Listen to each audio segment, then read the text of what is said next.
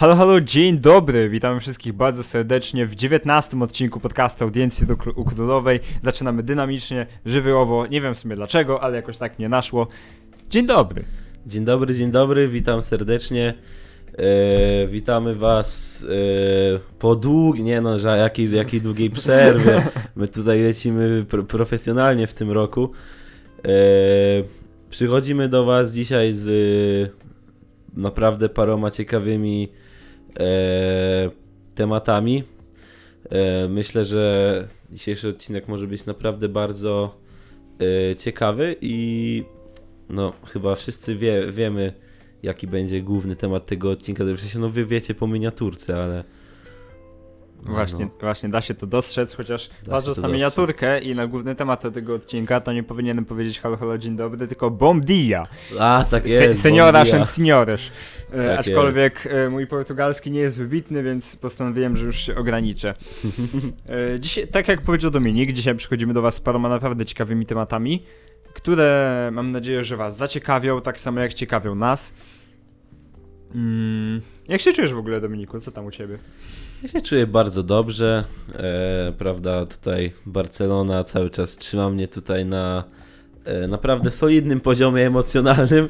E, nie dają mi jakoś bardzo powodów do zmartwienia w ostatnim czasie. E, w lidze idzie pięknie, w pucharze idzie pięknie. Więc ja naprawdę nie, nie narzekam, wszystko jest super. Ale myślę, że jeżeli chodzi o ulubiony klub, to ty masz większe zmartwienia, Pawełku. Nie no, jakby narzekasz. Leeds United jest w środku tabeli, naprawdę nie idzie im źle. Nie, dobra. No, o Liverpoolu pewnie jeszcze przyjdzie nam pogadać w tym odcinku, no ale Pewnie jak, tak. jakoś może temat na nich zejdzie, ale na razie nie chce mi się o tym myśleć. Przed chwilą skończy się mecz Pucharu Anglii, jak to nagrywamy, bo jest to niedziela, godzina 17.30 eee, i właśnie Japończy, pewien Japończyk z Brighton wbił Liverpoolowi bramkę w 93 minucie na 2-1 w, rundzie FA Cup Liverpool odpadł. Ale może to i lepiej. Potężne mewy, co ja tu więcej mogę powiedzieć, no. Dobra, nieważne, to nie jest główny temat tego odcinka i jeszcze nie przechodzimy do głównego tematu tego odcinka, do, do, przejdziemy do niego potem, ponieważ wiadomo, hehe, budowanie napięcia. E, ale przyjdziemy do tematu naprawdę mocnego i w sensie, no to nie jest nawet mocny temat, to jest To skandal. jest skandal.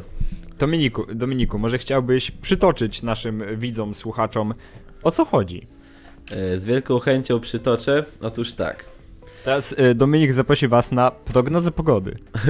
Tak jest. y, Na południu kraju, nie no, nie, nie będziemy się tutaj bawić w takie rzeczy, ale a może jednak się pobawimy chociaż trochę, bo jak wszyscy dobrze wiemy, Włochy są raczej ciepłym krajem. Y, Ale jest takie miasto, które nazywa się Turyn. I tam jest taki jeden bardzo dobry klub. Tak, jest to Torino, ale jest jeszcze drugi klub, który nazywa się Juventus. No i tam okazało się, że no w Turynie od paru dni już ludzie musieli ponownie wyciągnąć kurtki zimowe, bo mamy tam do czynienia z mrozem na poziomie minus 15 stopni, proszę Państwa. A bardziej minus 15 punktów niż stopni, ponieważ e, klub Wojtka Szczęsnego Jarka Milika za nieprawidłowości finansowe, tam różne księgowe manewry, e, zawyżone wartości transferowe i inne takie naprawdę wydawałoby się dosyć proste rzeczy. E, Juventus został ukarany odjęciem 15 punktów w Serie A w tym sezonie. No i jest to no ogólnie biorąc pod uwagę, że chyba ostatni taki duży skandal też był związany z Juventusem, jak była afera Calciopoli. Tak jest, mamy do czynienia z rokiem 2006, ale i tak mimo wszystko wtedy skończyło się to o wiele gorszą jakby tak, rzeczą dla tak. klubu, ponieważ dostąpił on rele- e, degradacji do Serie B. No więc yy, trochę zabawna sytuacja pod tym względem, że od tamtego czasu żaden klub nie został ukarany w aż tak dużym stopniu, aż w końcu Juventus znowu yy, postanowił odwalić. No i no co tu można mówić? Yy, tam poleciały jakieś zawieszenia, cały zarząd tam poleciał, Agnelli i tak dalej. Agnelli został zawieszony bodajże na 2,5 roku, czy coś, 2 lata. Eee, w sensie nie, mo nie może pełnić żadnej funkcji we włoskiej piłce. E, no i tam Nedved, cały zarząd poleciał. Jest bardzo ciekawie. E, Allegri miał skończyć w top 4 obecny sezon, ponieważ no to był warunek jakby jego pozostania e, w tym klubie. Ale no czy jeszcze ktoś wierzy w to, że Juventus skończy w top 4, to raczej bym wątpił. Ale no nie wiem, co ty o tym myślisz, Pawle? Co ja o tym myślę? Przede wszystkim jest to dla mnie po prostu kuriozum, jak Tak. w 20. mamy, mamy XXI wiek. Jak w tych czasach można. I to, I to jeszcze taki wielki klub jak Juventus przeprowadzać takie niedogodności podatkowe, żeby zostać zgo- y, u- u- obcięte im 15 punktów. No, Nie wiem, wyobraź sobie, jakby organizacja powiedzmy w NBA dostąpiła się czegoś takiego, nie wiem, o, ucięli im nagle 10 winów. no, no to, to już to jest, to sensie, w jest. sensie, że nie wiem, powiedzmy następne 10 meczy po prostu przegrana. Jakby, come on! Jest, jesteśmy profesjonalistami. To jest futbol na najwyższym światowym poziomie. No zdecydowanie. I to tylko pokazuje, jak bardzo niestety nasz ukochany sport jest przeżarty żądnością pieniądza, yy, ekspresją wyników yy, i po prostu chciwością. I taką jest po prostu przeżarty do granic możliwości. Yy, nie tyle. Nie, nie chcę powiedzieć jakąś tam korupcją, ale. No, no naprawdę nie wygląda to dobrze. Bo, no, bo mówi, mówimy o profesjonalnym sporcie. Kurczę. Tak jak Dominik wspomniał, zostało odjęte 15 punktów z 37 punktów, które zgromadził Juventus, zostało im tylko 22. E, Powodem, tak jak powiedziałeś, były nieprawidłowości przy transferach, czyli e, tak zgłębiając trochę temat, zawyżanie wartości zawodników w papierach i rozkładanie transferów na raty. Przykład tutaj, za przykład tutaj można podać Artura Tak. e, i to jego pseudowymiany za Mirala Mapianicza, gdzie Artur po prostu był składany na raty, przez co Juventus skończył tamten rok, gdzie transfer został przeprowadzony, nie pamiętam, który to był dokładnie rok. Oj, też nie. Eee. I Juve wtedy skończyło z podejrzanym bardzo zyskiem 160 milionów euro. No to tak, to Eee, podejrzane. no i przez to na, dwoj, na 2,5 roku, to jest największa kara, zawieszono Fabio Paraticiego, czyli dyrektora sportowe, sportowego odpowiedzialnego za transfery Juve. E, na dwa lata zawieszono Andrea Agnelliego, czyli prezydenta klubu, Maurizio Ari, e, Arrivabene, e, CEO Juve. E, Na 8 miesięcy poleciał Paweł, Paweł Nedved i na jeden, na jeden rok i 4 miesiące Federico Ceburini, czyli koordynator sportowy. No I największą bekę mam z tego, że zarząd właśnie, tak jak powiedziałeś, powiedział No, Allegriemu, że albo kończy to w top 4, albo wypad. no, no to, No to bardzo mu pomogli. I myślę, że tutaj teraz Allegri będzie mógł powiedzieć, że no albo prowadzicie dobrze klub, albo nara. albo na... Bo naprawdę w, pracować w takich warunkach, no to ja nawet na, nikomu nie zazdroszczę. No i od razu pojawia się pytanie, co z kadrą zespołu? Tak, no bo... Ponieważ Juve z drużyny, no wiadomo, nie jest to obecnie drużyna, która jest takim pewniakiem do majstra, jak to było przez ostatnich 12 lat. No tak. Ale no była to przynajmniej drużyna, która walczyła o puchary, grała w Lidze Mistrzów. Teraz mówimy o drużynie, która kończy w środku tabeli i co jest najśmieszniejsze, tu, tuż przed tymi nagrywkami grali oni mecz z Moncą, z AC Moncą. Przeżyli 2-0. I to nie jakimiś rezerwami, to był najsilniejszy skład Juve. No właśnie. No i, To- mnie, no i mnie zastanawia kwestia, takie mam do ciebie pytanie, jak, co ty sądzisz? Co się stanie z zawodnikami typu Blachowicz, Szczęsny, Weston McKennie, to już wiemy, że poleciał na wypożyczenie, nie wiem, młodzież, Nicola Fagioli, co się stanie z Fedekiezą? Jakie ty masz spojrzenie na ten temat? No, e, jeżeli chodzi o kadrę Juventusu, no to na pewno nie brakuje tam potencjału i umiejętności, bo e, można powiedzieć cała stara gwardia, o której mogliśmy mówić jeszcze te około może z dwa lata temu, e, no porozchodziła się już tak naprawdę e, w całkowicie.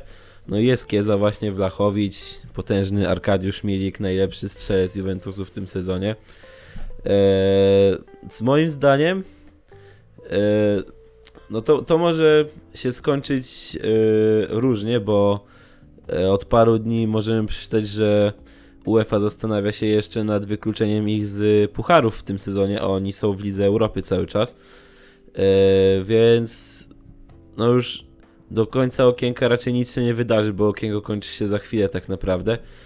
Ale jeżeli Juventus e, z pucharów Włoch oni chyba też już odpadli. Mm, Chociaż w sumie tego nawet nie wiem. Szczerze mówiąc nie pamiętam, ale kontynuuję, ja sprawdzę. Ale moim zdaniem yy, Liga Mistrzów już jest nieosiągalna, jeżeli chodzi o ligę.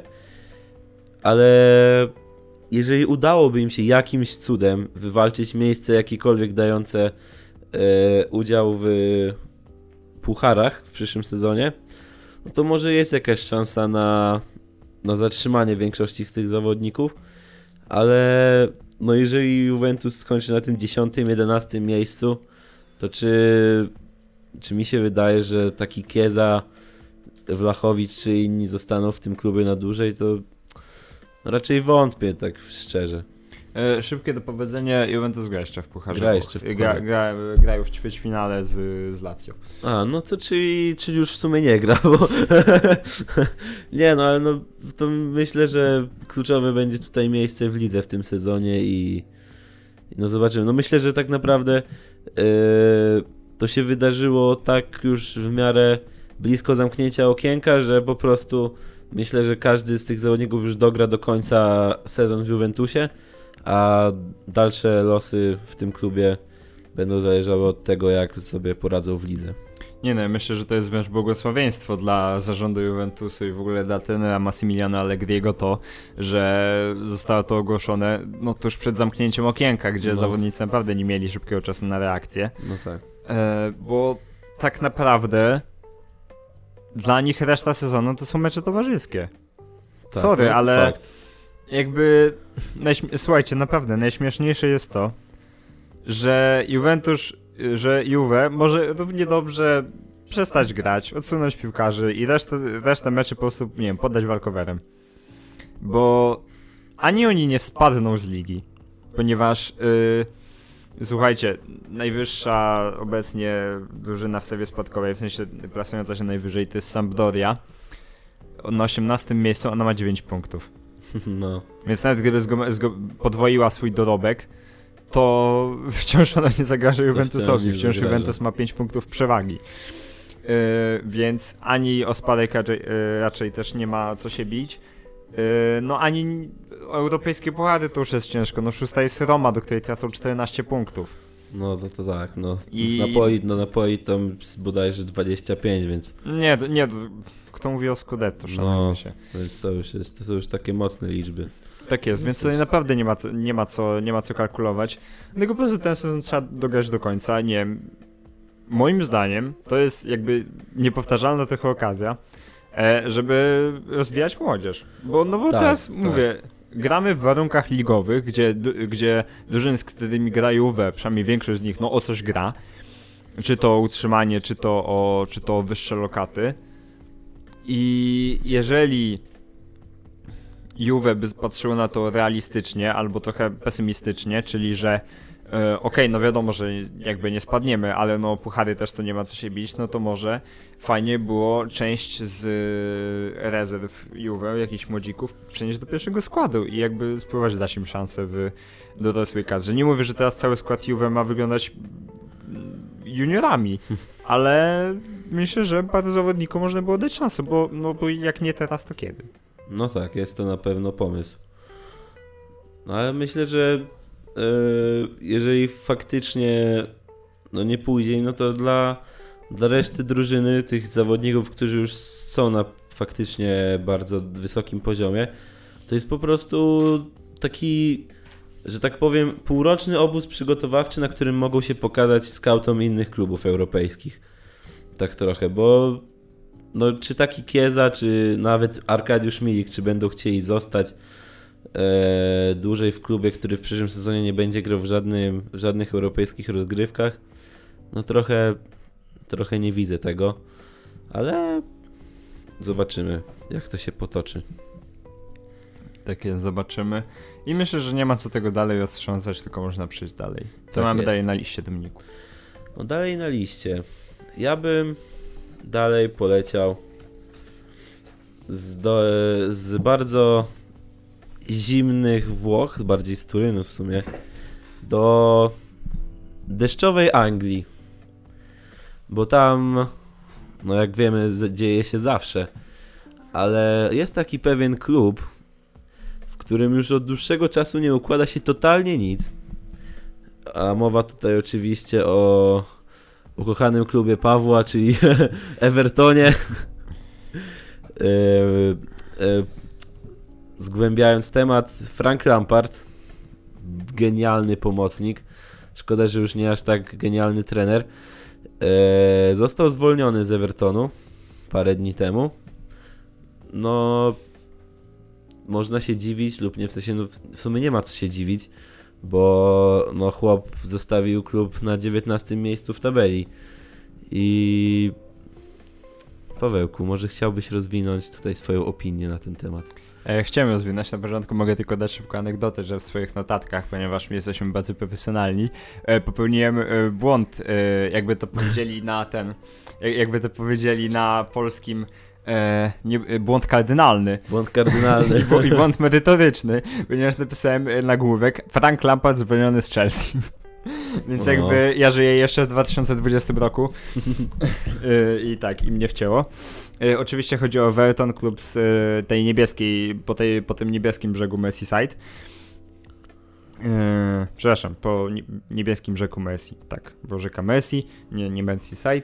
E, tak, wracając do drużyny Dead Office, e, jest tragicznie. Tak. Jest naprawdę tragicznie. E, Everton jest 19 w, w tabeli.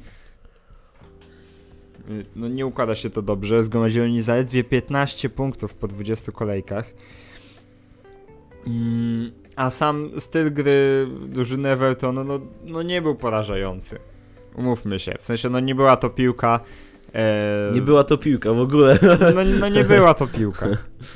Szanujmy się. No tak. E, Sky Sports informuje, że w sensie większość myślę, że portali sportowych, jak i dziennikarzy e, sugeruje, że nowym trenerem mm, The Office zostałby Sean Dyche, czyli szkoleniowiec znany doskonale fanom Burnley, legenda de facto tam, tamtejszego klubu. E, co ty sądzisz o tym wyborze w ogóle? O, te, o tej pot- potencjalnej kandydaturze? No myślę, że jak na możliwości Evertonu to na pewno jeden z lepszych trenerów, jakich mogli, jakiego mogliby zatrudnić.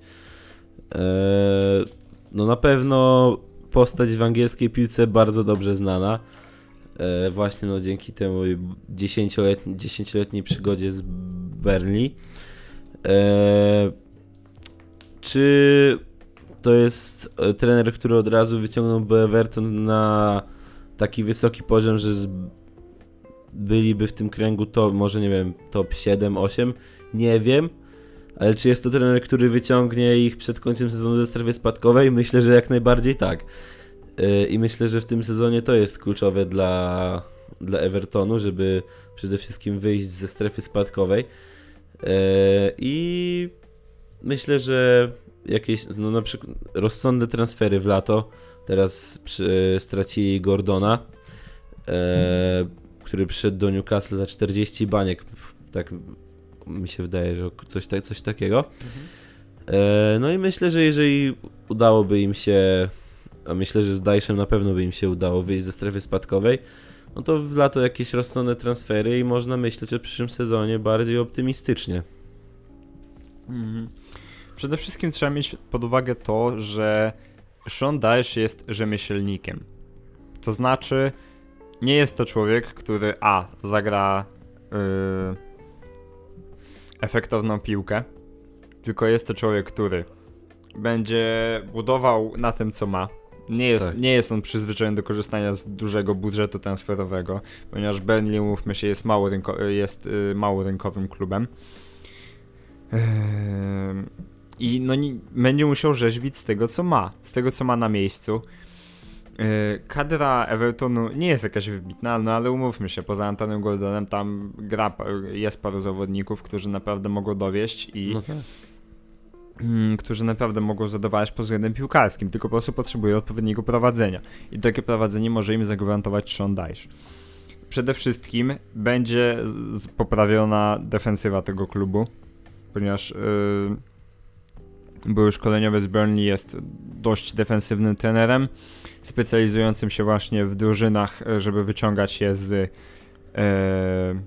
ze strefy spadkowej i po prostu z takimi małymi klubami yy, dowozić po prostu lepsze wyniki takie niż e, większe wyniki niż ktokolwiek by się spodziewał, patrz Burnley. Dokładnie. Więc myślę, że na ten moment i na obecną sytuację Evertonu jest to jeden z najlepszych wyborów chyba, jaki może być. Zgadzam się w 100%. Dobra, e, to chyba lecimy dalej.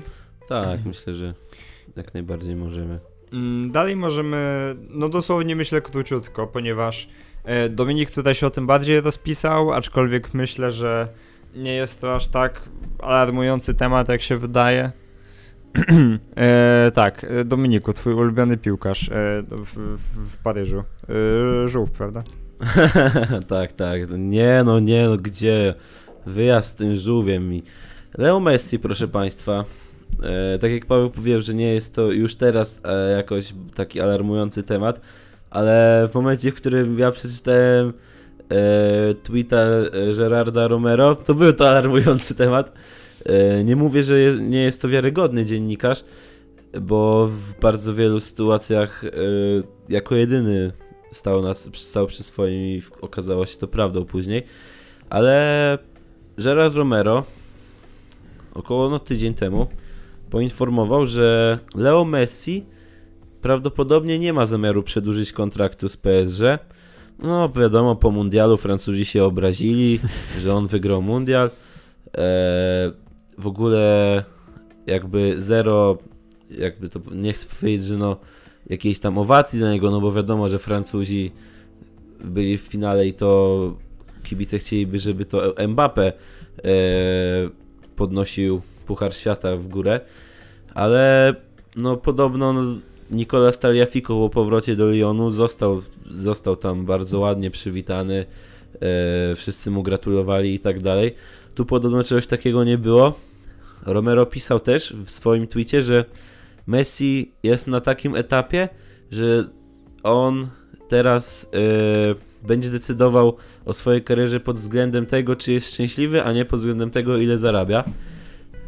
Nie ukrywam, że byłby to dla mnie bardzo dobry scenariusz pod względem, pod względem, pod względem takim, że e, w razie jego potencjalnego powrotu do Barcelony, no na pewno nie mógłby liczyć na jakiś wysoki kontrakt, a na, no, na pewno nie, myślę, że nawet nie w połowie taki, jaki ma w Paryżu, e, ale no szybko myślę, że wiarygodniejsze źródło, czyli Fabrizio Romano, szybko entuzjazm mój ostudził po prostu mówiąc, że nic się nie zmieniło w sprawie kontraktu Messiego i spotkanie e, w sprawie jego przedłużenia ma się odbyć niedługo. Jak z tym będzie, nie wiadomo. Podobno Laporta rozmawiał z Messim, ale ile jest prawdy w tym, nie wiem. Ale ja bym naprawdę z chęcią widział, jak Leo Messi, bo tak sobie analizowałem, że jeżeli Messi E, dostanie za ten sezon złotą piłkę, w letnim okienku transferowym zmieniłby klub na Barcelonę, to swoją ósmą złotą piłkę podniósłby na Camp Nou. To jest scena jak z filmu, proszę Państwa, ale e, scena niczym z Hollywood, można by powiedzieć. Trochę mało prawdopodobna, biorąc pod uwagę obecne problemy finansowe, w sensie no problemy finansowe, biorąc pod uwagę obecne przepisy finansowego fair play w La Lidze. E... Czyli problem finansowy. po prostu Tebas, no. E, jest to mało prawdopodobne mimo wszystko, ale ja jest, zawsze jestem otwarty na takie, na taką scenę. Powiem tak, naprawdę nie możemy tutaj mówić o przepisach finansowych, yy, tylko to są po prostu problemy finansowe Barcelony. Dla zobrazowania wam, ostatnio przecież yy, widziałem bodajże gdzieś tam post czy informację, że Barcelona już nie ma z czego jakby ciągnąć dźwigni finansowych, że nie ma już z, po prostu z czego brać i że musi już rzeźbić z tym, co ma. Nie wiem, zwalniać zawodników, y, sprzedawać cokolwiek. Tymczasem ja się dowiaduję, że Barcelona sprzedaje części udziału do swojego, y, do, do swojej telewizji Barca TV, czy Tak. coś takiego, Tak, tak. żeby po prostu z tego zrobić piątą dźwignię finansową i po przeczytaniu tego ja się zastanawiam. Jak, ten, jak te gliniane nogi muszą być sztywne, żeby ten kolos się jeszcze na nich trzymał? No, to jest y, akurat całkiem sensowna dźwignia, bo akurat z tej telewizji nie było zysków praktycznie w ogóle, ale y, z drugiej strony denerwuje mnie to, że co chwilę słyszę, że La Liga mówi, że Barcelona musi znowu obciąć pensję, obciąć pensję, a prawda jest taka, że Barcelona nie pamiętam kto, kto był ostatnim piłkarzem, któremu Barcelona podniosła zarobki, no, no, no ostatnio no, na przykład taki Araujo, no to na pewno, ale pieniądze, które wcześniej zarabiał były śmieszne ale no przecież yy, nie ma już piłkarzy, którzy mają jakieś wysokie kontrakty. Pique odszedł, Busquets już chyba z cztery razy obcinał pensję, tak samo Alba. No a reszta to nie są jakieś takie kontrakty, które w, nie wiem, wykraczałyby jakoś poza te przepisy i ja ostatnio słyszę, że znowu o 150 milionów trzeba obniżyć te pensje, no to ja mówię, nie, no coś tu jest definitywnie nie tak. Ale nie wiem. Ja tylko chcę, żeby pan Tebas jak najszybciej się ulotnił stamtąd i, i będzie, gorzej nie będzie. No dobra, ale też musisz wziąć pod uwagę, że co praktycznie okienko, czy to jakieś inne podpisanie Barcelony, jest znowu informacja, że po prostu nie ma jak podpisać tego zawodnika. Tak, to akurat- tak samo było z Lewandowskim, tak samo było z Żulem Kunde, z Christensenem, z Memphisem Depayem, yy, nie z Araujo, tylko Z Gawim. Z Gawim. Z Gawim tak było. no sam widzisz, że no nie wygląda to dobrze, kiedy mówimy o FC Barcelonie. No to akurat fakt. No to to jest całkiem zabawne, że yy, no to akurat prawda, że każdy z tych letnich transferów było taki wow, Lewandowski, Lewandowski, czy tam Kunde, a potem no Barcelona nie może zarejestrować Kunde, bo tutaj coś trzeba obciąć, tutaj coś się nie zgadza. No niestety, no. No ważne, prawda, że na razie niczego nie brakuje w tym składzie, że naprawdę jest czym grać i no oby, oby jeszcze chociaż jedno trofeum w tym sezonie i naprawdę będę zadowolony. Dominik chyba potraktował te, te moje słowa o NASA bardzo poważnie Ale z no poprzedniego nie, no. odcinka, bo y, słuchajcie, jeżeli ktoś nie słuchał, to zapraszam, to jeżeli ktoś jeszcze nie, nie przesłuchał zeszłego odcinka, to zapraszamy, bo pojawił tam się prawdopodobnie tekst roku, nieskromnie mówiąc, No tak. gdzie Dominik trochę odleciał, w sensie to była część tego tekstu, że Dominik trochę odleciał i e, powiedział, że Barcelona w, ma szansę w tym roku na 5 trofeów, no, a, a teraz takie, ale- no, Superpuchar Hiszpanii, no, no to jeszcze jeden taki i będzie dobrze. Jaka pokora, Dominiku, nie Ale ja cię. ale, ale szansa zawsze jest, prawda? Ja, ja nie mówię, że nie ma, aczkolwiek po Szansa prostu... jest, szansa jest zawsze, a ja a wręcz jestem pewny, że Barcelona chociaż jedno trofeum jeszcze zdobędzie w tym sezonie, bo jest naprawdę duża szansa co najmniej na dwa jeszcze, więc... Aczkolwiek po prostu zmiana nastawienia mnie Tak, rozbawiła. tak, tak. E, tak, wracając do Leo Messiego, bo po, ponieważ trochę odjechaliśmy e, z tamtego peronu, nie no, jak dla mnie nie ma się co rozgadywać. Jest to zawodnik, Tak. który cały czas ma ważny kontrakt. E, od pół roku się mówi, e, w sensie no może nie od pół roku, ale nie wiem, no przynajmniej miesiąca się mówi o tym, że e, podpisz, że negocjuje z PSG, że chce podpisać nowy kontrakt, że on się nigdzie nie rusza, że te jego stosunki z Laportą, z Laportą nie są jeszcze aż tak dobre, żeby i wymagają po prostu pracy, żeby spróbować Argentyńczyka ściągnąć z powrotem na Spotify Camp Nou. I po prostu póki co tego ruchu nie widzę i nie wydaje mi się tak. on realistyczny. No ja też uważam, w sensie, no ja wiadomo, mam tam swoją jakąś bańkę, w której tkwię i zawsze mam, że Messi, proszę wróć, na, wróć do Barcelony, ale no ja nie widzę opcji, w którym Messi kończy karierę nie, nie wracając chociaż na jeden sezon do Barcelony i myślę, że tym możemy lecieć dalej. Możemy tym lecieć dalej, to prawda. E, co mamy dalej? E, wiem, co mamy dalej. Mamy dalej e, szybki jeden transfer de facto. Takie sz- szybkie, takie szybkie sprawozdanie, ale myślimy, że całkiem istotne. Ja tutaj, ja tutaj mogę, mogę teraz się wczuć w Fabrizio Romano. Dobrze, chcesz, rozumiem, zacytować. Tak. Dobrze. Po jeszcze takim, takim jego głosem, on tak fajnie mówi zawsze. Milan Szkryniar tu PSG, here we go! tak, proszę państwa. Dobrze, to jak już e, Fabrizio Romano zagościł do naszego studia, to e, per favor, e, proszę mi tu... Zagościł do naszego studia niczym do meczyków. Tak, więc per favor, proszę mi tutaj opisać e, ruch e, Milana Szkriniara do, do PSG, o co z tym w ogóle chodzi i na jakich warunkach, proszę bardzo. A więc tak, Milan Szkliniar do PSG e, podpisał z nimi kontrakt, e, który e, na podstawie którego miał dopiero ma dopiero dołączyć do nich w, w lato, lecz e, PSG chce go ściągnąć jeszcze teraz zimą, ale Inter Mediolan nie jest wcale takim głupim klubem i chcą dodatkowych 20 milionów za to, że po prostu puszczą Szkliniara jeszcze w zimę. Czy PSG, no umówmy się, 20 milionów za, dla PSG to są jakieś pieniądze, które robią im różnicę. Biorąc pod uwagę, że Szkliniar jest raczej obrońcą, który się zwróci na pewno i który raczej nie, nie będzie jakimś niepewnym punktem. Chociaż ostatnio z kibicami na, e, na, na, na San Siro pożegnał się nie jakoś pogodnie, ponieważ czerwoną kartką. No tak, to, to akurat tak. To fakt, ale no mimo wszystko jest to bardzo solidny obrońca, myślę, w Europie i myślę, że no te 20 milionów opłacałoby się wyłożyć na stół, żeby ściągnąć go jak najszybciej.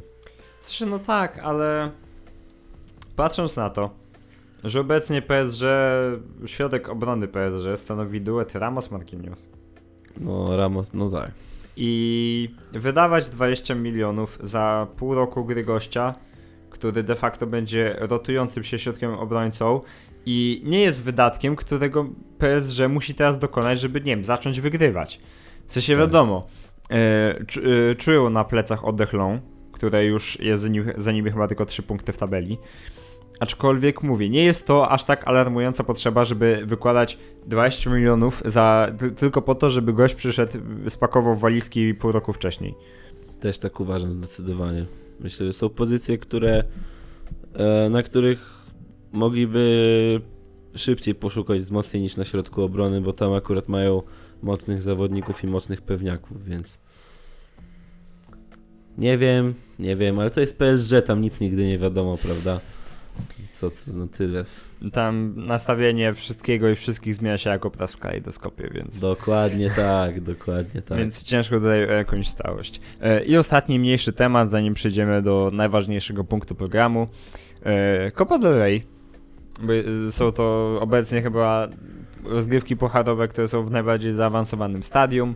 I chyba są mimo wszystko najciekawsze. W sensie, no bo jeszcze puchary w Anglii nie wkroczyły w taką fazę. No dobra, ale ty mówisz, że najciekawszy, ciekawego. bo barceloniarzem jesteś, więc No nie, no nie tylko. No, dobrze, dobrze.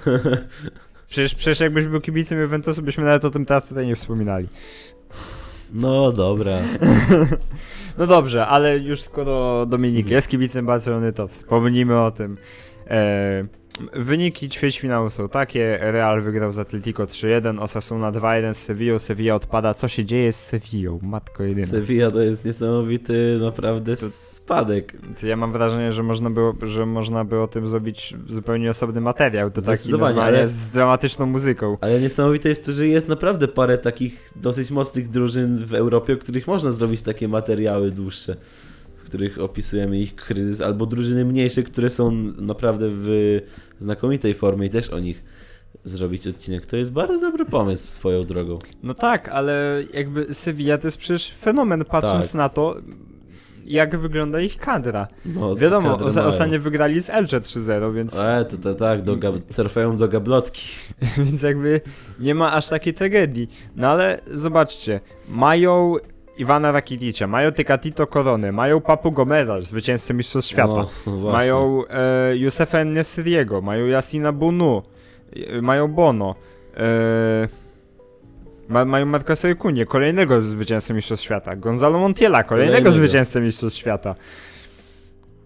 To jest naprawdę porządna kadra. Tak. A oni znajdują się obecnie na 13 miejscu w La Liga. Oni niedawno byli w strefie spadkowej. Hmm. No jest to fenomen, na pewno. No ja... Yy, w sensie inaczej. Ich dzieli 4, 4 punkty od tej strefy Cztery spadkowej. punkty od strefy spadkowej. Nie wiem, co się dzieje. Sam Paoli, że tak powiem, na razie się nie sprawdza. Eee, ale właśnie to ciężko o tym mówić, bo Sevilla od początku sezonu jest w takim dołku i oni tam wygrają pojedyncze mecze z tymi słabszymi drużynami, ale jakiegoś takiego jakiejś takiej dłuższej pasy w zwycięstwach to raczej nie widać i chyba nie zobaczymy do końca sezonu jakiejś takiej wybitnej formy piłkarzy yy, Sampaoliego, ale no Osasuna potężna, prawda? Co tu, Tak, wiadomo. co tu dużo mówić. E, wracając, Atletic 3-1 z Walencją, Barcelona 1-0 z Realem Sociedad po golu Us Usmana Dembele, który nabawił się kontuzji i wypada na... no pewnie no miesiąc. no, Zna, znając Dembele to miesiąc. tak, znowu łóżeczko musi być nagrzane w szpitalu. Nie no. Nie, to już naprawdę... E, ja się już nie śmieję, bo chłop naprawdę przez ogromną ilość czasu nie był kontuzjowany. Odkąd e, ja nawet szczerze nie zdawałem sobie z tego sprawy, ale e, ktoś napisał ciekawostkę, że odkąd Xavi jest trenerem Barcelony, to Dembele jest kontuzjowany pierwszy raz. To już jakby To nie już- patrzeć jest jakieś osiągnięcie. Jest, no. Co nie zmienia faktu, że wygląda na to, że chłop sobie po prostu dorabia jako, nie wiem, w- wolontariusz w testowaniu, y, nie wiem, jedzenia szpitalnego i Tak. wygodności łóżek na oddziale. Bo to naprawdę... Tak. No, no fakt, no na pewno dużo pieniędzy zarobił z tej pracy w swojej karierze w Barcelonie. Myślę, że w szpitalu ma już tam już jakąś kartę stałego klienta, czy coś takiego. E, ale oby nie musiał wyrabiać nowej po takiej przerwie. Bo mam nadzieję, że na, tych, no, na tym no, około 3-4 tygodniach pauzy się skończy. Chociaż bardzo niepokoi to, że akurat na pewno pierwszy mecz z United opuści i to jest akurat pewno, pewniak. Eee, mam nadzieję, że na drugi się wyrobi, chociaż to też może być ciężko. Ale no co, to jest myślę, że naj, jak dotąd największa szansa dla Rafinni w czasie jego pobytu dla Bar w Barcelonie, żeby faktycznie wejść do tego pierwszego składu i jak najdłużej w nim pozostać, bo mimo, że ostatnio już coraz lepiej jest, to jeszcze ma dużo do udowodnienia. Mhm. No, a wracając do Copa del Rey, Mhm. jutro, w, to, to znaczy w poniedziałek, będzie losowanie półfinałów. Przypominam, że w półfinale w Copa del Rey obowiązuje już formuła mecz i, y, mecz i rewanż, y, czyli dwa spotkania. No i jest Barcelona, jest Real Madrid, jest Osasuna i Athletic Bilbao. Ja, jako kibic Barcelony, nie wiem, kogo bym chciał trafić, ale to też zależy, jak się na to patrzy. Jeżeli miałbym patrzeć na to, żeby po prostu wejść do finału jak najłatwiej, to chyba mimo wszystko Osasuna. Mimo wszystko. A jeżeli chciałbym yy, widowisko, no to Real Madryt, bo dwa klasyki zawsze mile widziane. Przygarniesz. Tak, zawsze oczywiście z korzyścią dla Barcelony. No, w, oby nie w drugą stronę. Nie, myślę, że No. im to tam wisi. No i. no i myślę, że e, jest to na pewno ciekawa czwórka. Barcelona, Real, półfinał. Przygarnąłbym mimo wszystko. I co? I tyle. No tyle, lecimy dalej, nie ma co się zgadywać. Słuchajcie, wreszcie doszliśmy do tego po, 40 minut. po 40 minutach. Mamy nadzieję, że nie zasnęliście jeszcze, ale spokojnie będzie w timestampsach, żeby nie było, więc jeżeli kogoś tylko interesuje temat Santosza, to, to, to przejdzie sobie po prostu od razu do, do tego, co go najbardziej interesuje. Tak jest. A propos Santosza. Widzicie tytuł, widzicie miniaturkę. Santosz ma celi parę. Myślałem, że powiesz. Santos ma 68 lat. Pochodzi z Lizbony. Nie, dobra. Nakreślając sytuację tak już bardziej profesjonalnie, normalnie. Tak. Fernando Santos, jeżeli ktoś jeszcze, nie wiem, żył pod kamieniem przez ostatni tydzień. Albo, tak jak według pre, pre, prezesa Kuleszy, Felipe Santos. Felipe Santos. Felipe Santos. Tak. Santos. E, Został ten reprezentacji Polski. E, Podpisz, podpisał on kontrakt obowiązujący do 2026 6 roku. Czerwiec, tak, czerwiec 2026. Tak jest, czyli to jest, jeżeli ktoś się nie orientuje, termin mundialu w USA, Kanadzie oraz Meksyku. Eee, Jest to tak, trener na pewno z dużym doświadczeniem, ponieważ no, przywołałeś te 68 lat, jakby to źle nie brzmiało. Doświadczony, tak. tak. E, Z sukcesem zarówno na arenie krajowej, jak i międzynarodowej. W kraju prowadził głównie e, FC Porto E, i to właśnie z nimi zdobył e, mistrza Portugalii i no to było dawno, bo to był rok 1999. Wszystko, co zdobył w klubowej piłce w Portugalii, to był, było Porto, mimo że trenował jeszcze Mhm. Sporting i Benfica. Tak, Tak. E, dorobił się jeszcze dwóch pucharów Portugalii, dwóch super pucharów e, Portugalii, oczywiście tak jak powiedział Dominik, wszystko z Porto e, oraz puchar Grecji, za jakim Ateny, bo why not. E, ale e, przede wszystkim brylował, tak jak e, prezes Cezary Kulesza skupiał się przede wszystkim na tym przy wyborze, przy wyborze nowego selekcjonera. Ma on ogromne doświadczenie na, no może nie ogromne, ale bardzo duże doświadczenie na arenie międzynarodowej. Prowadzi dwa Tak. y, dwa państwa, Grecję oraz Portugalię oczywiście. Z Grecją bilans myślę nie najgorszy jak na Grecję, 26, y, 49 spotkań łącznie, 26 zwycięstw, 16 remisów, 7 porażek. Y, Z Portugalią akurat udało nam się y, zebrać bardziej szczegółowe statystyki. 109 meczy jako selekcjoner, 68 zwycięstw, 21 remisów, 20 porażek, 2,06 e, punkta na mecz. E, Druga najwyższa średnia wśród prowadzonych jego drużyn. E, Wyższa była chyba na AEK-u bodajże, ale to mówimy o drużynie, która, z którą prowadził, nie wiem, no, przez nieporównywalnie mniej spotkań. No tak. I to bodajże była, nie wiem, różnica dwóch setnych, więc jakby myślę, że nie ma się No, czym, no czym przejmować. No to tak.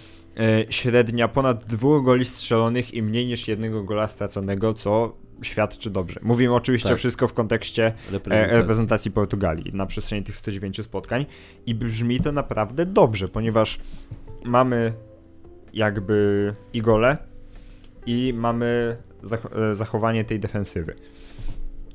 Ulubioną formacją trenera jest 4-3-3 z podwieszonym SPO, co może, co jakby mówi nam parę rzeczy, że jest szansa, że możemy zrezygnować z formatu z trzema obrońcami i powrócilibyśmy do, no może nie, i powiedzieliśmy, powrócilibyśmy do takiego stylu Nawałkowskiego z lekkim twistem. Tak. Yy, prowadziłoby do tego, że Lewandowski był, grałby osamotniony jako szpica na, na górze i pewnie więcej miejsca do popisu dostaliby tacy zawodnicy jak Kuba Moder, Piotr Zieliński czy, jeżeli wróci do kadry, Mateusz Klich. I też będziemy się opierać na skrzydłowych, więc jest to szansa dla takich młodych zawodników jak yy, Kuba Kamiński na przykład, albo Przemek Frankowski. No Przemek Frankowski już nie jest taki młody, ale Nie no, Przemek Frankowski zawsze był, był, by- był, jest i będzie młody, jeżeli będzie grał tak jak obecnie yy, w Low. Ale no tak, mamy pana Szantusza, jakby to powiedzieli twórcy kanału, dzieli nas piłka. Yy, czego my się możemy spodziewać? Przede wszystkim yy, no patrząc po jego sukcesach przede wszystkim z reprezentacją Portugalii, wygra w mistrzostw, oczywiście pamiętne Mistrzostwa Europy 2016 i Liga Narodów 18-19. E, Myślę, że możemy być na pewno optymistami, mimo że jeszcze te dwa dni przed ogłoszeniem selekcjonera wszyscy mówili Paulo Bento i Władimir Petkowicz. w tym my. W tym e, kolejny dowód, że bardzo dobrze znamy się na, tym, na tej fantastycznej dyscyplinie sportu. Ale tu na, tak, takie naprawdę zaskoczenie. Pamiętam właśnie moment, w którym e, przyszło powiadomienie z TVP Sport, że o, tutaj Szantosz wylądował w Warszawie, potem Fabrizio Romano zlikował. No i już Kulesza uznał, że nie będzie krył i już na Twittera wieczorem wrzucił zdjęcie z przesympatycznym Portugalczykiem. no i ja mimo, że to akurat ocenię z perspektywy czasu, czy wolałbym Petkowicza, czy nie, ale myślę, że możemy być optymistami i po tej jego konferencji, którą poświęciłem swój cenny czas, żeby obejrzeć całą. e, przynajmniej nie cytował Jana Pawła II na samym początku, tak jak to. Ale, ale odwoływał się do Chopina. Odwoływał się do Chopina, tak, tak, do Chopina się odwołał, to, to mnie rozbawiło, że zaczepka tam musiała być w stronę polskiego, polskiego bogactwa kulturowego, prawda? E, myślę, że możemy być optymistami jako kibice reprezentacji Polski. Eee, może nie chcę powiedzieć, że te eliminacje do Euro 2024 to będzie jakiś duży sprawdzian, bo to nie jest jakaś ciężka grupa. I myślę, że będziemy mogli faktycznie oceniać poziom naszej reprezentacji po meczach z Czechami, no i z Albanią ewentualnie, bo to są jedyne reprezentacje, które coś tam. No dwie najgroźniejsze przede wszystkim tak, w tej tak. grupie, z takiego myślę obiektywnego punktu widzenia. No tak, bo mamy jeszcze Wyspy Owcze i Mołdawię. W sensie inaczej, gdyby ten chociaż byłby Czesław Michniewicz, to z tymi wyspami owczami, owczymi to nigdy nie wiadomo. Tak, tak, no akurat. Ponieważ yy, no, e, Czesław Michniewicz głównie prowadzący drużyny młodzieżowe miał swoje przygody z tym państwem. E, jak to się mówiło, że każdy ma swoje wyspę platę, to Czesław Michniewicz tu powtarza, że każdy ma swoje wyspy Każdy ma swoje wyspy owcze. Dobrze, e, ale wracając do eliminacji, kontynuuj proszę. No myślę, że faktycznie jeżeli E, weźmiemy pod uwagę te statystyki przede wszystkim z reprezentacji Portugalii, to naprawdę może to być owocny okres dla naszej reprezentacji, biorąc pod uwagę, że mimo wszystko mamy moim skromnym zdaniem o wiele lepszą reprezentację o wiele większy potencjał niż jakim dyspono mógł dysponować Adam Nawałka w czasie swojej kadencji w reprezentacji Polski. Mamy przede wszystkim naprawdę dosyć pokaźną ilość młodych zawodników w bardzo dobrych klubach w Europie. Eee, więc to jest na pewno nadzieja. No, on też, e, pan tutaj przesympatyczny Portugalczyk, ma też być, jak to nazwał prezes Kulesza, koordynatorem szkolenia młodzieży w naszym kraju. Coś, e, coś, ten, coś tego typu. Zobaczymy. Miał w najbliższych dniach, w sensie po konferencji, czyli no w sumie tydzień temu, miał odbywać e, rozmowy z selekcjonerami młodszych reprezentacji, obserwować zawodników z młodszych reprezentacji, e, ale no przede wszystkim wiadomo, każdy się tutaj będzie skupiał i oceniał go w, pod kątem pierwszej reprezentacji. I myślę, że e, jeżeli uda nam się zakwalifikować, a tak trochę nie widzę innej opcji, żeby, żebyśmy nie weszli na euro w Niemczech, to myślę, że tak naprawdę teraz tak szczerze, bez pompowania balonika, możemy mieć y, nadzieję na dobry występ naszej drużyny na turnieju. Nie mówiąc, że ten na mundialu był zły, w sensie tam wynikowo było dobrze, ale stylowo było tragicznie. Ale no ja jestem dobrej, dobrej myśli i, i naprawdę wiążę spore nadzieje z naszą reprezentacją i pracą z panem Santoszem w najbliższych latach. Jeżeli nie zostanie zwolniony po jakimś ekstremalnie krótkim okresie czasu. Czytaj rok. Czytaj no rok. Ciekawostka, yy, okresie czasu się nie mówi, ale to nieważne. No dobra, no.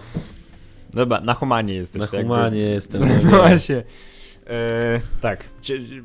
Mamy nadzieję, że mimo wszystko nie słucha tego e, nauczycielka e, języka polskiego Dominika. Nie, oby nie, oby nie. E, ale wracając. E, tylko szybko do, tego, do tej roli koordynatora młodzieżowego. E, już to Zbigniew Boniek pozwolił sobie wyśmiać. Tak, tak, widziałem też. ponieważ mówiąc, że Santos przecież nigdy takiej roli nie miał i wątpli wątpliwe, że też tutaj będzie taką miał.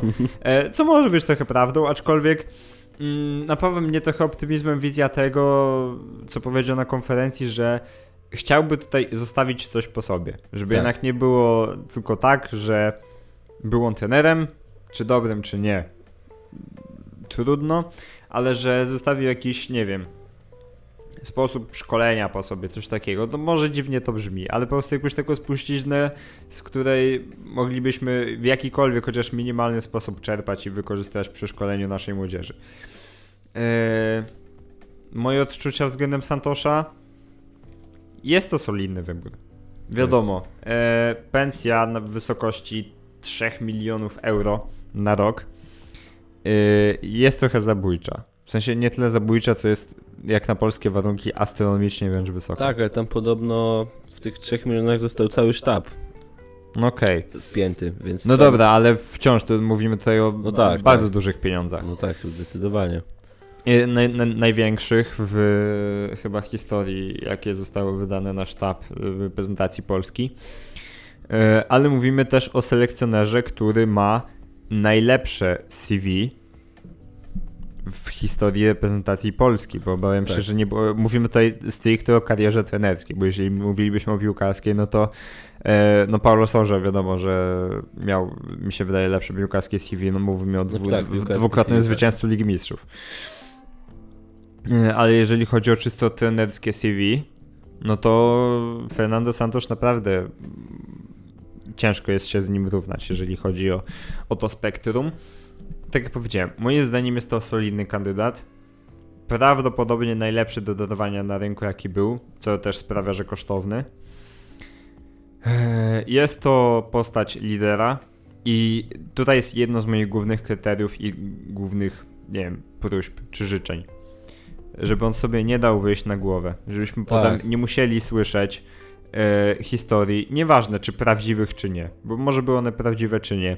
Gdzie na przykład była historia z tym, że Lewandowski wychodził wcześniej z treningu kadry, gdzie ten był Czesław Michniewicz, ponieważ podobno trening był na za niskim poziomie. Tak, no. Dobrze, Bo- że bo- menadżer Roberta Mhm. zdementował te doniesienia, bo no, W sensie, no, w sensie nie, wiadomo, czy to jest prawda, czy nie. Nie chcemy w to wnikać. Ale żeby po Tak. prostu nie musiały się pojawiać tego typu pogłoski.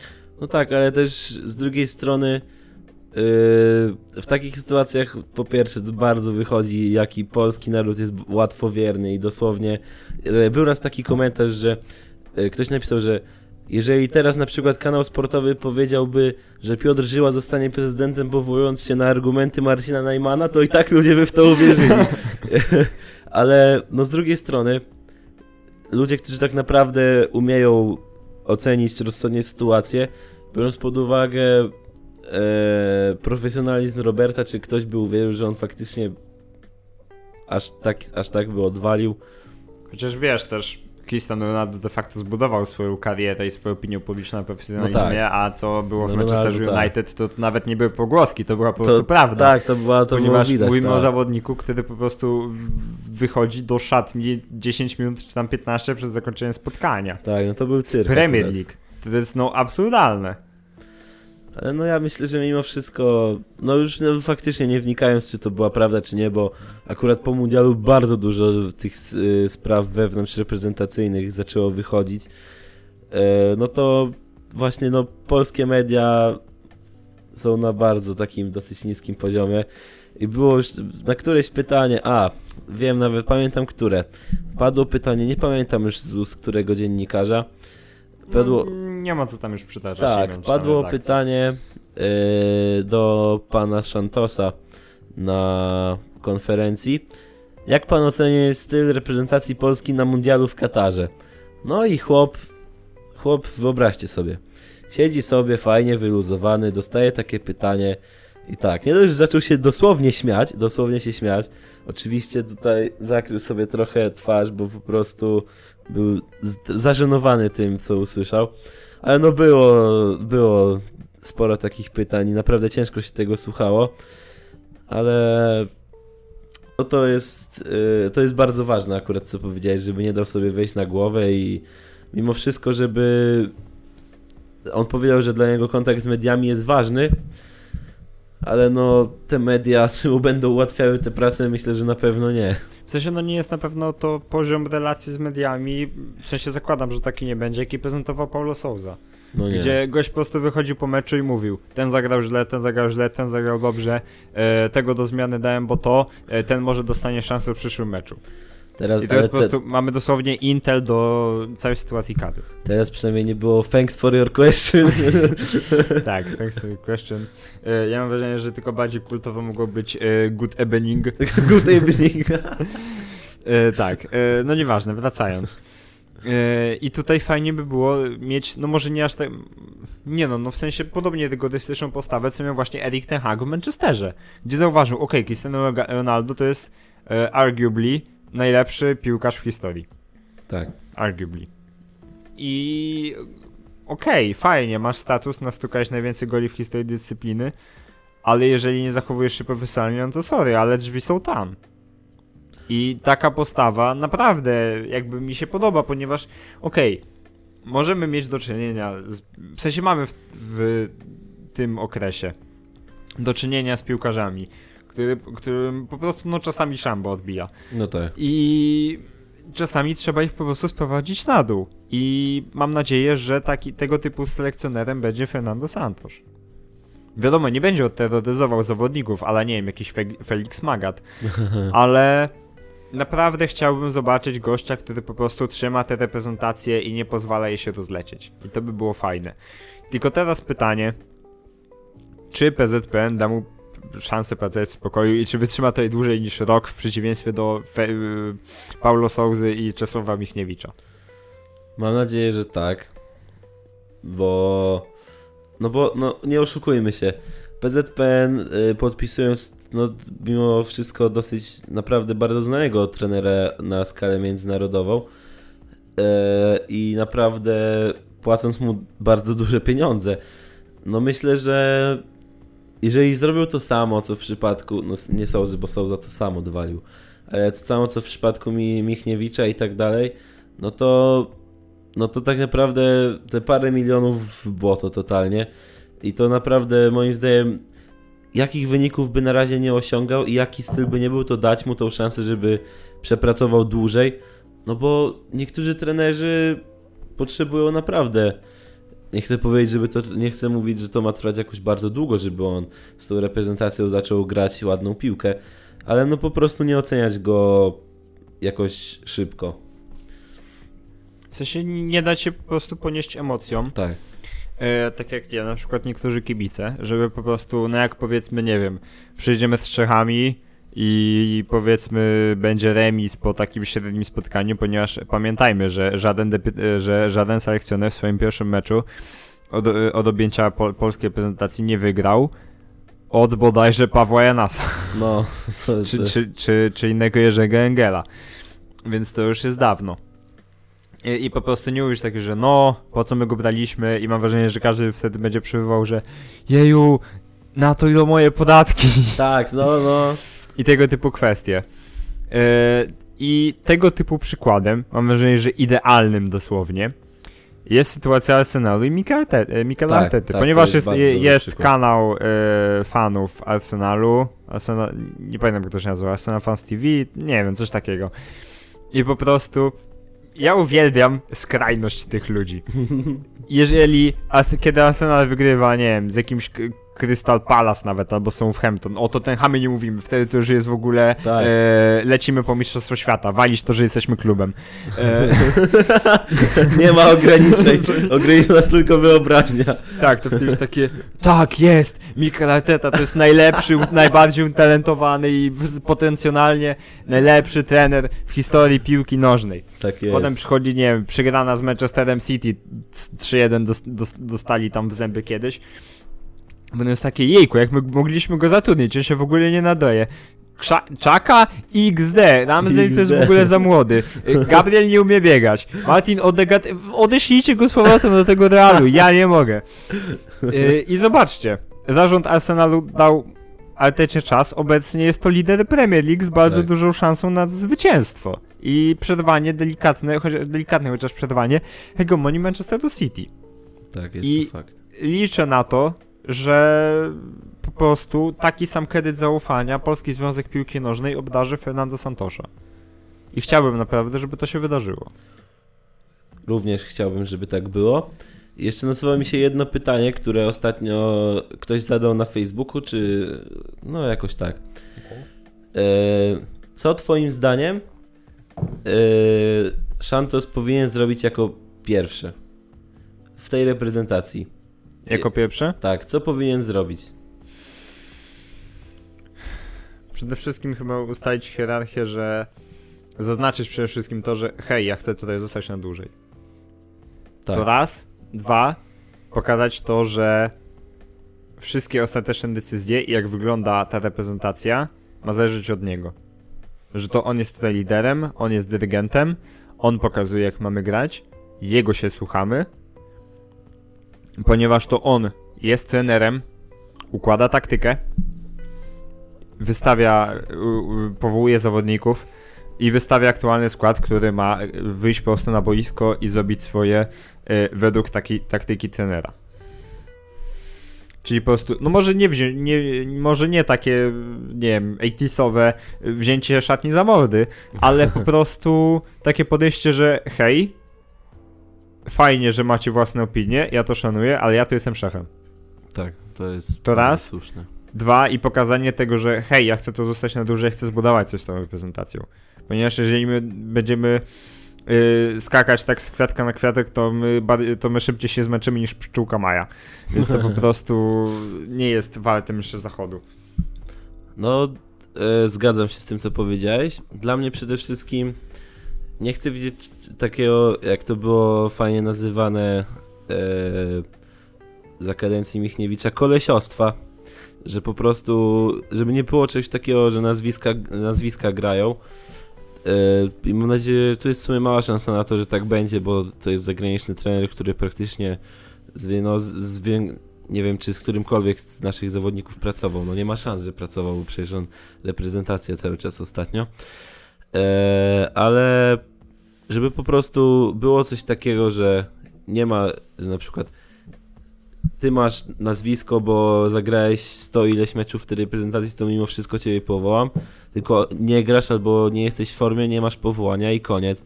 I tutaj bez najmniejszych, bez, bez żadnych skrupułów, żeby po prostu grali ci, którzy są w najlepszej formie, w najlepszej dyspozycji i, i tyle.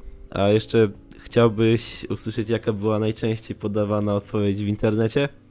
A, a w sensie, że na to pytanie? Tak. No dawaj. Podziękować za grę Krychowiakowi. Biedny Grzesiu, chłop obchodził Biedny. urodziny i takie rzeczy.